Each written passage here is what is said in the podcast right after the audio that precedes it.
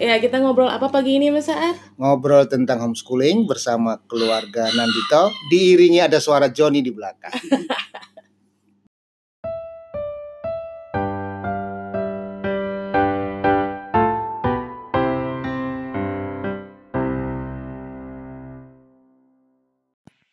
Ya, kita sekarang ngobrol nih sekali-sekali terima tamu, Mm-mm. iya kan? Jadi masa ngobrol homeschooling sama kita doang. Ah, ah, Karena kan salah satu yang penting itu kan tahu bahwa homeschooling itu macam-macam. Iya, jadi em, kita juga pengen eh, teman-teman tahu apa membukakan pintu buat teman-teman kenalan dengan keluarga-keluarga homeschooling yang lain ya Mas Har ya. Mm-mm, Betul. Ya kenalan pertama ini dengan keluarga Nandito Iya. Kenapa keluarga Nandito dipilih?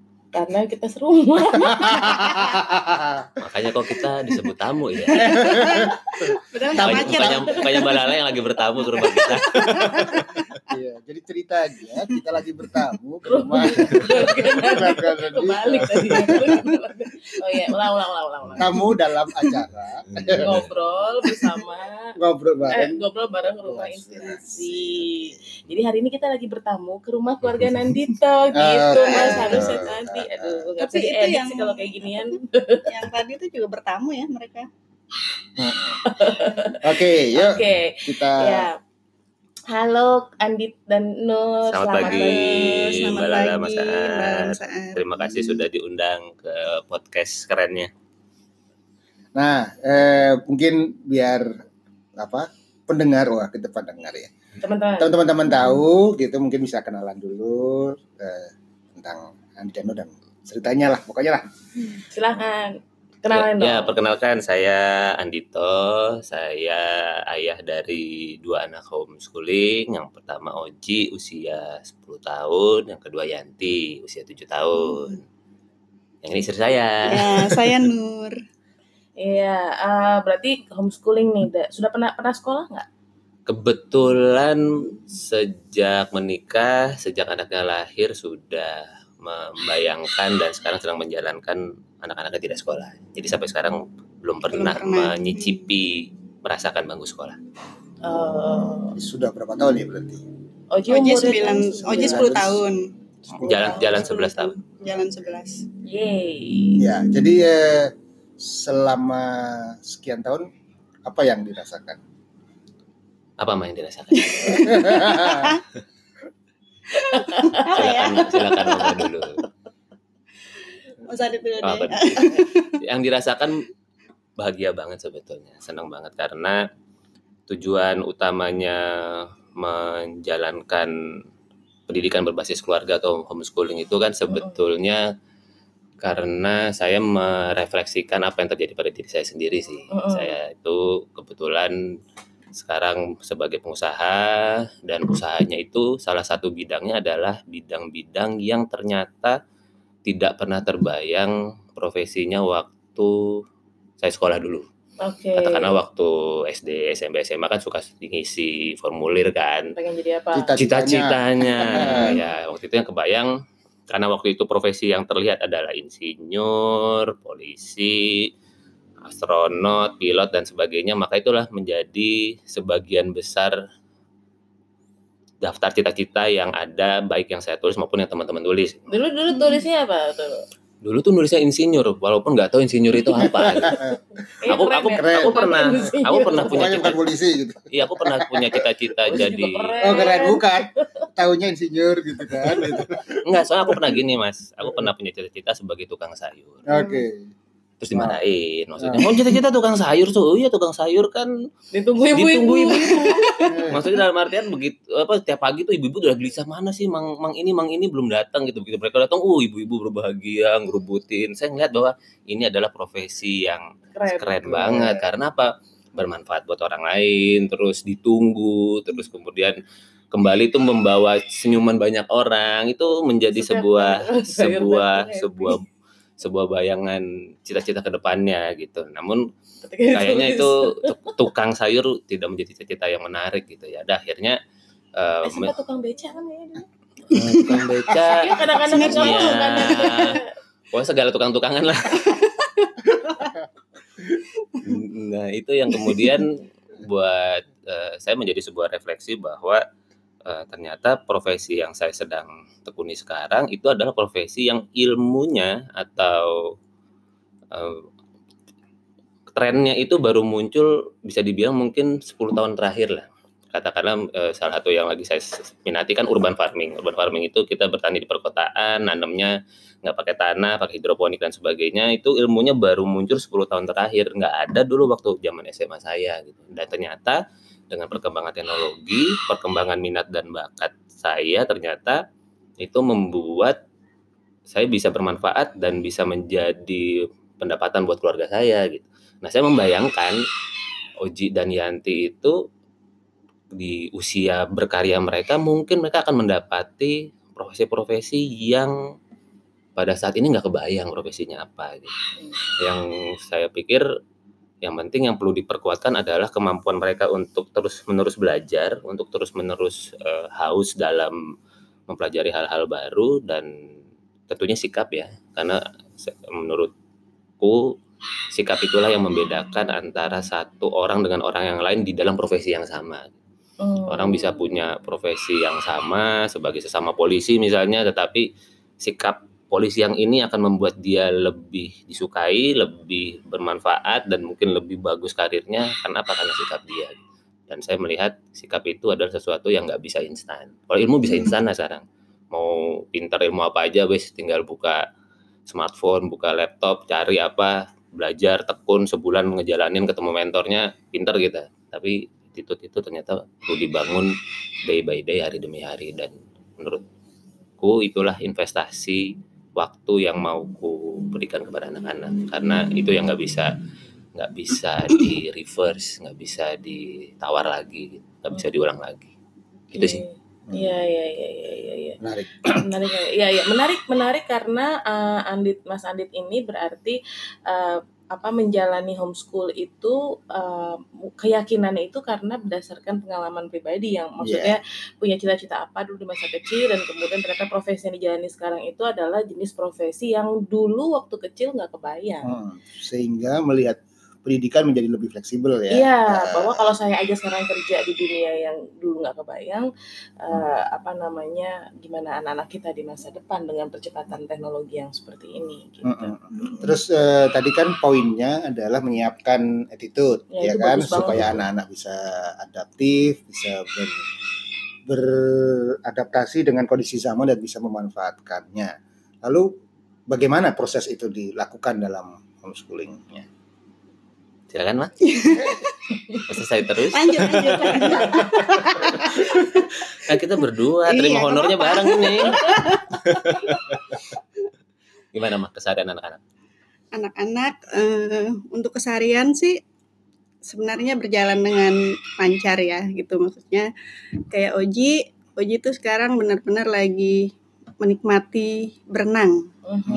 jadi dari Senin sampai Sabtu itu dia eh, masih menjalani kesehariannya dia dengan renang kalau Yanti Yanti juga sama eh, seminggu tiga kali itu dia masih renang gitu itu salah satu hal yang sedang mereka tekuni saat ini Hmm, jadi Gitu. bertekun pada hal yang Mm-mm. mereka lakukan gitu ya. Mm-mm. Hmm. Sebetulnya juga karena melihat jadi belajar dari rumah inspirasi juga sih. Iya. Jadi bahwa ada delapan multiple intelligence itu ada anak yang auditori atau eh, mendengar, terus ada yang musikal, natural. Nah, ternyata Oji itu dalam perkembangannya saya melihat dia ternyata anak yang kinestetik. Hmm. dan ternyata belajar sambil bergerak. Yang saya membayangkan kalau dia sekolah itu salah satu murid yang kemudian pasti Nggak betah gurunya duduk. udah Tutuk gitu ya maksudnya. Itu tadi bunyi bunyi kapur itu tadi barusan.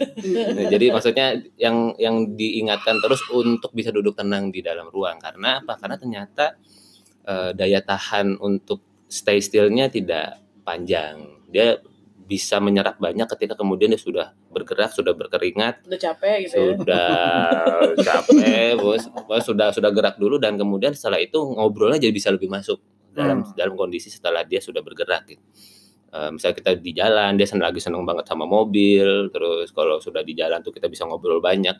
Nah, saya melihat bahwa oh, ternyata benar ya, memang manusia itu punya cara belajar yang berbeda, punya kecerdasan yang berbeda. Nah, jadi Oji itu waktu kenapa kemudian renang ketika diperkenalkan awal betul-betul takut banget sama air Mm-mm. gitu ketika umur lima tahun itu. Tapi ketika dia menunjukkan minatnya dan plus sedikit dorongan dari orang tuanya dan sekarang dia sudah melesat sendiri dengan dengan renangnya. Jadi Dan- sebenarnya yang penting kita konsisten sebenarnya. Konsisten nganterin, capek sih gitu. Tapi ternyata ketika orang tua sama anak ini komunikasinya bagus gitu, anak-anak juga otomatis apa ya eh, senang aja gitu ya Ya, menjalani bonding itu juga menjadi bonding antara anak sama orang tua. menjadi sesuatu yang kami yakini akan menjadi sebuah hal yang akan sangat berharga di masa depan ketika mereka besar Hmm. yaitu keterbukaan misalnya suatu hari dia dapat tantangan di luar mungkin bergesekan sama temannya atau mungkin mulai naksir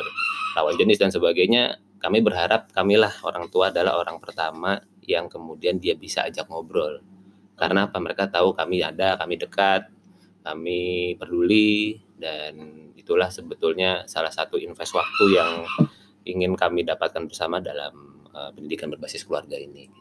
Ya tadi kalau ngomongin tentang konsistensi kan tadi ketekunan itu kan pasti nggak nggak nggak tekun terus kan maksudnya pasti ada momen-momen Oh eh, iya. anak-anak capek mungkin ibunya juga capek nah itu apa gimana Ap- apa yang dilakukan sama keluarga Nandito untuk bisa Oji itu udah berapa tahun nih Mm, renang renang tuh dari usia lima tahun. sekarang Kalau sekarang udah 10 lima tahun. tahun ya Mm-mm. proses lima tahun ini kan nggak mungkin terang benderang terus Mm-mm, bahagia terus mm-mm. gitu kan nah itu di saat-saat misalnya Oji lagi capek atau ibunya lagi sibuk apa itu itu bagaimana apa ya, untuk supaya bisa melewati hal Hmm. tersebut dari pengalaman keluarga Nandito Sebenarnya sih kalau Oji lagi capek atau Yanti lagi capek, kami break Hmm. istirahat gitu. jadi nggak apa-apa gitu ya itu bukan paksaan gitu. Oke. Jadi bahkan kami pernah dia eh, cutiin satu bulan gitu untuk istirahat aja gitu. Jadi biar dia juga eh, apa ya nggak terus menerus gitu. Mm-mm. Apalagi renang ini kan jangka panjang gitu ya untuk kesehatan juga gitu. Jadi ya udah istirahat aja gitu. Ibunya juga butuh istirahat dan itu nggak apa-apa gitu. Oke. Mungkin salah satunya juga kami memperkuat banget di dalam menemukan why-nya Mm-mm. ketika sedang menjalani sesuatu, katakanlah renang misalnya. Dan itu sebenarnya refleksinya antara kami berdua dulu, baru bapak kemudian ibunya. antara bapak ibunya baru kemudian ngobrol ke anak-anaknya. Kenapa sih renangnya perlu dikonsistenkan? Nah, katakanlah beberapa lingkungan gitu ya, bisa keluarga, bisa teman segala macam. Oh, mau jadi atlet ya gitu. Hmm. Mm-mm. Nah, kami kemudian bisa menjadikan itu sebagai sebuah goal, namun ternyata bukan ultimate goalnya bukan di situ. Hmm. Tapi dia adalah kalau memang ternyata jalurnya ke sana menyenangkan. Mm-mm. Namun kalau enggak, nah apa nih goal level atasnya lagi? Level atasnya lagi adalah eh, Oji punya sebuah skill yang bisa dia pegang sampai dia tua gitu. Mm-mm. Artinya Iya. eh, karena dunia renang adalah dunia yang aku rasa akan terus berkembang selama dunia ini bumi ini ada airnya. dua pertiganya masih air gitu manusia masih butuh renang lah. Uh, uh, Oji dengan kemampuan renangnya mudah-mudahan bisa sampai kemudian mumpuni tidak hanya bisa mempelajari namun juga bisa mengajarkan nah diharapkan itu menjadi salah satu skill yang mudah-mudahan bisa mendapatkan uh, salah satu income-nya dia mungkin di, di masa depan atau membuat dia lebih bermanfaat sehingga kemudian hidupnya jadi baik-baik saja gitu. Nah, itu kemudian uh, ultimate goal-nya di situ. Terus misalnya ultimate goal berikutnya adalah kayaknya dia nggak hanya jadi pengajar renang nih, tapi dia juga perlu punya kolam renang. Nah, mungkin di situ mulai masukin dengan Mm-mm. ilmu-ilmu bisnis, investasi dan sebagainya. Namun akhirnya goal ultimate-nya apa sih sebenarnya? Sehat. Ya, tujuan Karena- utama sehat.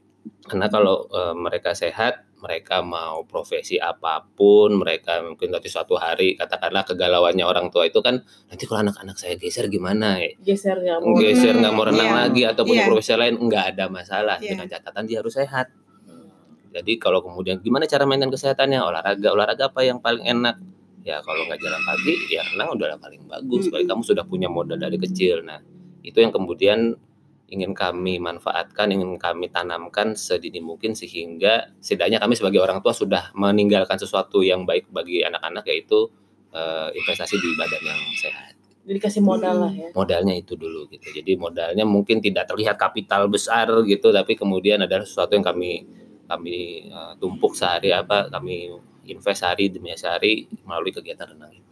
Iya. ya. Dan karena kita yang ngantar ke sana, itu jadi momen bonding ngobrol Iya. kemudian dia lihat bahwa oh orang tuanya hadir dan sebagainya Wah seru ya. Keren jadi, ya. ah, jadi eh, kalau kita bicara homeschooling tidak hanya bicara tentang materi belajar, Iya, betul. ternyata bicara tentang bonding, gitu Mm-mm. ya. Karena itu hal yang penting gitu dan itu adalah bagian dari kebutuhan psikologi anak-anak. Iya. Dan juga eh, menarik sekali kalau ketika Adi tadi cerita bahwa kalau jadi menekuni sebuah bidang tertentu seperti renang itu tidak selalu kemudian harus jadi atlet dan kemudian Iya. begitu khawatir kadang-kadang kan orang tua Mm-mm. terus anaknya terus mau jadi apa kalau dia kalah lomba dan sebagainya Hmm. gitu. Ya terus uh, terus terus bahkan itu- ya bahkan ya Heeh. kalah lom kami kan juga dalam renang ini mengikutkan Oji dan banyak Yanti ya memang ke sebuah event Mm-mm. tujuannya apa sebenarnya mau nemuin itu mas iya Hmm. menemukan sensasi pertama nunggu ya nunggu Hmm. untuk kemudian eh, jadi kalau dalam lomba renang itu dalam dalam lomba renang yang paling seru sebenarnya bukan pas lombanya iya tapi pas nunggunya nih karena gitu. lomba itu sebentar nggak nyampe dua menit latihannya bertahun-tahun Nunggunya- lombanya turun sekali gitu Mm-mm. udah Punya berjam-jam. nunggu Iya, jam-jam nunggu. anaknya Nah. golar golar dan Iya, sedangkan kami kan juga memang tidak me- membekali gadget, dan Gadget, anak-anak karena kami Jadi ternyata- meminta mereka kalau di keramaian belajar dari keramaian Mm-mm. lihat orang kiri kanan apa yang mereka lakukan lihat eh, atlet-atlet yang sudah berenang gimana gayanya Mm. segala macam ngobrol sama coachnya Mm-mm, jadi iya. manfaatkan waktu sekitar di gitu. lokasi untuk mempelajari banyak hal Hmm. jangan terpaku sama gadgetmu gitu Iya. ada ada ada punya tapi eh, kan kan- kan ada lah kiri kanan yang kiri kanan melakukan itu banyak namun yang eh, justru di situ saya mempelajari ngasih lihat gitu loh Ji kalau Mm. kemudian kamu berada di lokasi tuh kalau misalnya anak-anak itu hanya fokus sama dirinya sendiri mereka kelewatan banyak hal bagus di sekitarnya yang bisa mereka pelajari. Nah jadi ketika mereka ikut kompetisi maka di situ ada sometime you win sometime you learn gitu. Jadi itu yang kemudian kita yang kita ajarkan melalui langsung praktek di lapangannya Hmm. jadi melalui kompetisi. Jadi Hmm. kompetisi bukan sebuah hal yang kami hindari justru kami ikutkan supaya kemudian dia tahu bahwa oh goalnya ternyata bukan bukan untuk naik podium bukan untuk mendapat medali. Kalau nggak dapat medali bapaknya marah. Nggak nggak seperti itu. Justru kami ingin mengukur waktumu. Bagaimana progresnya. Nah kita punya data kita kumpulkan. Nah Oji bisa ngelihat oh ternyata dulu Oji wah renangnya cuma. Untuk sekian meter cuma apa sekian puluh ya. Sekarang kok udah bisa sekian belas misalnya seperti dan itu. kami Wah, punya catatan limit dari awal mulai ikut lomba sampai sekarang gitu. Itu yang, Hmm. jadi itu yang Oji membuat bisa dia jadi punya ukuran. mengukur oh ternyata aku pernah lomba di di mana gitu ya Mm-mm, limitnya sekian tahun yang segini lalu ternyata sekarang ternyata limitnya segini gitu jadi Jadi Itu yang menjadi ukuran- sendiri iya. ya. akhirnya Iya. itu sebetulnya goal besarnya Mm-mm. apresiasi terbesar adalah ketika pertama dia bisa menyelesaikan lomba artinya secara Mm-mm. mental dia berhasil Iya. mengalahkan karena nggak nggak semua bisa selesai lomba iya Oh, betul ada banyak juga anak-anak yang tengah ya. nyemplung Mm-mm. Wah ngambang di tengah tolong gitu ada ada juga Iya, banyak terus nangis banyak. nah seusia Yanti tuh banyak betul itu banget. menunjukkan bahwa ternyata kan yang mau dites adalah itunya iya gitu mental Sampai ya ujungnya. mental sampai Iya. ujungnya dulu selesaikan dulu pasal kemudian nanti eh, lebih eh, Cepat waktunya atau waktunya enggak. berapa Mm-mm. sampai ujung dengan benar artinya nggak didis apa gayanya dan Nah, yang sedih lagi tuh kalau ada anak yang mungkin lebih apa ya lebih lambat gitu ya orang tuanya marah gitu Hmm. itu kan sedih liatnya gitu dan kita anaknya juga rasanya kalau belajar- udah berjuang itu terus belajar bagaimana ada orang tua orang tua yang menyikapi anaknya Iya. gitu. Hasilnya atau anaknya yang mungkin dididik, nangis gitu ya Heeh. mas ya karena merasa Takut. lebih Kalah. kalah, Hmm, gitu itu kan gitu. juga gitu, kalau belajar nangis gitu. lagi gitu. Nah itu kemudian jadi refleksi kami berdua, Iya. apakah itu model parenting atau model pengasuhan yang mau kita lakukan ke anak-anak? Mm-mm. Oh jelas tidak gitu. Maksudnya, Maka kita akan eh, ngambil sisi eh, encourage anaknya, memperkuat dia bahwa sekali lagi renang adalah self based learning, self based competition. Jadi betul-betul kompetisi berdasarkan eh, diri eh, mengalahkan diri kita sendiri. Dan Iya. kita banyak belajar banget di dunia kompetisi. Jadi Justru kalau dapat medali pun sebenarnya itu kayak bonus gitu buat Oji. bonus gitu. karena yang jago-jago nggak ikut. Hmm, ya, itu ya itu gitu, gitu aja, gitu lagi beruntung Hmm, betul. Karena keberuntungan katanya kan antara persiapan dan kesempatan gitu kan. Oh, gitu. Sepertinya ada. Kesempatannya ada nih yang jago nggak ikut dia nggak pernah latihan yang tetap aja nggak Hmm. bisa dapat juara satunya. Tapi ketika persiapannya bagus, kesempatannya ada, yang jagonya nggak ikut ya Iya. dia menang. Yang seru nih Oji kan selalu ikut lomba tuh ketemu ini ya temannya yang itu, Yang itu, itu gitu. Nah, Nah suatu hari tiba-tiba pas dia Iya, mau iya, lagi iya. latihan renang, loh ternyata si rivalnya ini ini partnernya dia ini pindah ke klub ya dia. tempat Oji renang. Ah. Jadi dia, eh kok ada itu di sini tapi di situ ternyata ih dia jadi senang berteman gitu jadi teman dekat gitu Pertama dia ada Hmm. ada masa-masa aduh aku se, se satu ini klub nih se, se- Nah, sejalur saingan sama ya. sama rivalku terus nih tapi Hmm. lama-lama kemudian dia jadi bersahabat dengan rivalnya Iya, dan dia menjadi malah justru da- itu dalam dalam perjalanan ya Terpicu. dalam perjalanan kita kemudian ngobrol sama Gigi ini adalah ternyata momen terbaik buat kamu Mm-mm. kenapa karena Kamu kamu, jadi ketemu sama rivalmu kamu akan terus kalau kamu udah lebih cepat di kelasmu terus ya kamu akan tidak akan maju begitu kamu Iya. ketemu orang yang ternyata seumuran dia lebih cepat ya Iya. kamu akan terus karena selama ini kan dia Semangat. temannya itu SMP gitu ya Mm-mm. di satu kelasnya itu banyak yang lebih Wajib itu Wah. paling kecil Hmm. jadi ketika dapat yang seumuran di kelas yang sama itu Dengan senang kemampuan yang banget dengan lebih sama kemampuan yang gitu ya. sama gitu Bagus ya. Mm-mm, bagus Malah jadi gitu. sparring partner Iya, yang beneran Yes, gitu ya. Terus kalau Yanti gimana itunya keseharian saat ini? Yanti. Kalau Yanti itu ternyata mm, anak spasial ya? Spasial iya, itu kebalikannya Oji. Hmm. spasial itu anak yang ternyata senang banget Duduk. gambar apa visual spasial gitu. Apa gambar berhitung segala macam. Sehingga kemudian eh, ketika mengerjakan worksheet itu kalau Oji katakanlah eh, daya tahannya mungkin 5-10 menit Yanti itu bisa berjam-jam. Iya. Hmm. bahkan dulu waktu kecil itu ketika dia mulai mengenal menggambar dan sangat excited itu tahun. bisa 2-3 jam tidak berhenti berlembar-lembar sampai kemudian kami yang minta dia istirahat gitu. Karena karena saking sangat semangatnya melakukan itu gitu, Dan tahan. dan tahan. Dan tahan. Iya perfeksionis jadi Mm, ternyata menariknya dunia Mm. parenting itu begitu anaknya keluar dari bapak dan ibu yang sama ternyata memiliki gaya yang Mm. berbeda gitu Hmm. dan kemudian di situ kita ternyata belajar lagi Eh, belum lagi kemudian setelah bertemu sama teman-teman di klub homeschooling Oase misalnya uh, makin beragam ternyata cara cara anak belajar dan sebagainya di situ kita melihat bahwa eh, pendidikan itu memang sangat customize ya Beragam. Iya.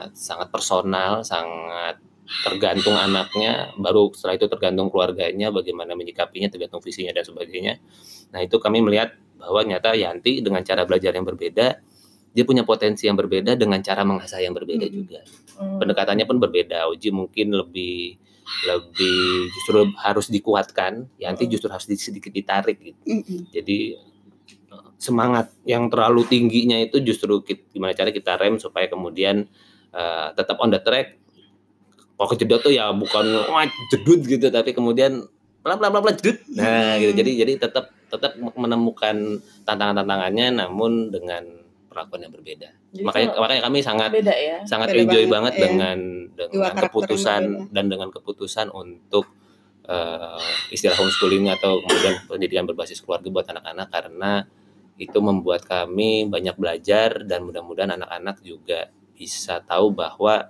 untuk menyikapi dirinya yang unik itu tidak bisa diperbandingkan sama anak lain. Kadang-kadang anak lain punya sebuah cara belajar yang berbeda dan mereka berhasil, tapi bisa jadi cara yang berbeda buat mereka ini tidak cocok diterapkan buat kalian gitu.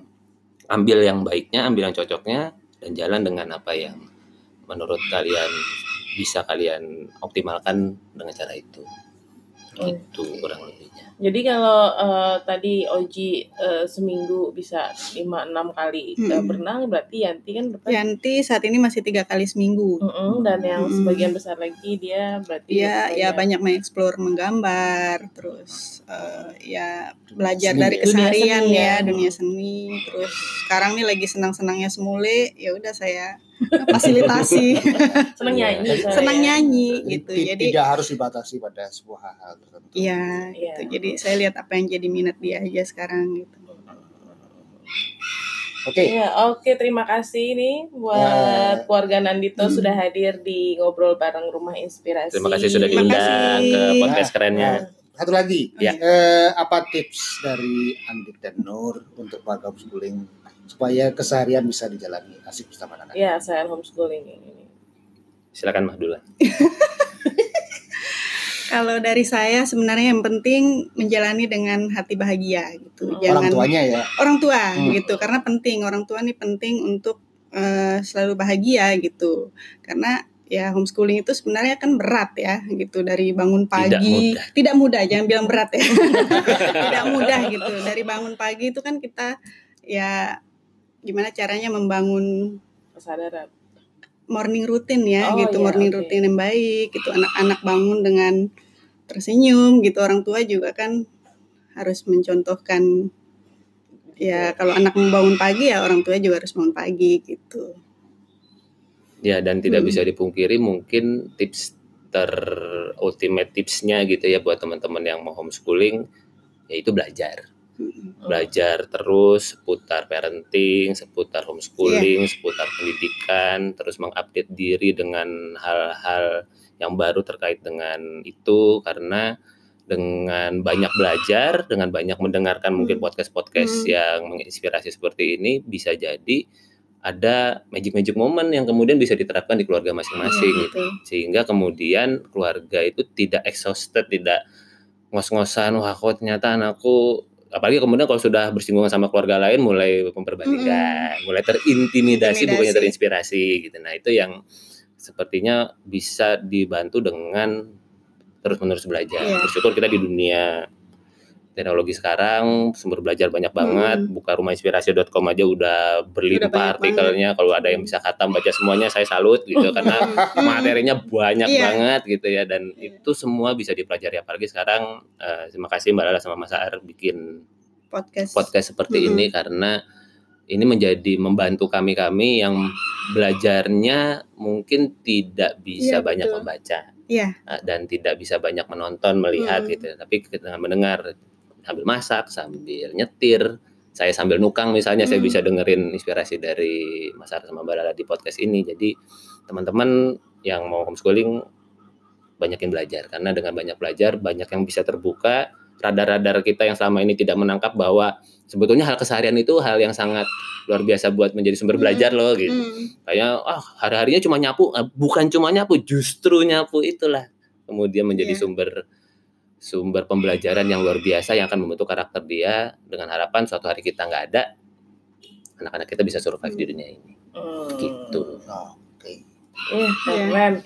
Aduh, ya memang em, kalau misalnya kita milih homeschooling itu eh, s- tadi aku setuju banget masalah belajar dan Hmm. kemudian berinteraksi dengan keluarga-keluarga homeschooling lain itu eh, begitu kita belajar, kita yakin dengan diri kita, terus kita berinteraksi dengan keluarga homeschooling lain yang berbeda, kita jadi santai. Hmm. Iya. Gitu. Kita jadi oh ya, oh dia beda, oh dia keren juga. Mm-mm. Dan kita bisa mengapresiasi kekerenan keluarga lain dengan dengan tanpa harus hati ini ya, gitu tanpa harus terintimidasi tanpa gitu. harus terintimidasi gitu jadi, Jadi- eh, enak gitu ngeliatnya oh iya eh, dia keren ya homeschoolingnya jalan-jalan Mm. Gitu. oh dia keren ya homeschoolingnya pakai apa Ya gitu Iya, kuncinya iya. jangan terintimidasi, jangan Iya, iri. betul. Ya. kuncinya adalah kita sebenarnya tahu apa yang kita mau Betul. dan kemudian kita memang menjalani hal tersebut gitu menghargai keunikan Iya, dan perbedaan yang kita iya, miliki iya. kan. kita juga uh, merasa nyaman dengan keseharian kita tadi senang Mm. happy gitu Mm. dan ya udah ada gitu kita pasti lebih enak Jadi kalau mulai terintimidasi ya balik lagi ke tujuan awal homeschooling sebenarnya Betul, gitu. ya, ya. Hmm. Jadi balik lagi ya ke kitanya Mm-mm, sendiri mau kitanya sendiri ngapain, apa, ya. terus kemudian seberapa kita nyaman Mm-mm. dengan kehidupan keseharian kita. Iya, oke. Ya, terima kasih uh, teman-teman yang sudah mendengarkan uh, sampai sekarang ini. Juga terima kasih buat Nur dan Andi. terima kasih banyak Mas Ya, sampai ketemu lagi nanti di ngobrol bareng rumah inspirasi yang berikutnya. Kita akan datang lagi ke rumah-rumah. dan dan mengundang orang siapa pun yang datang ke rumah untuk dibajak ngobrol. Ini gak ada yang momen mungkin. ya, terima kasih kebersamaannya. Sampai ketemu lagi dengan kami besok uh, di podcast-podcast yang berikutnya. Bye. Dah. Dah.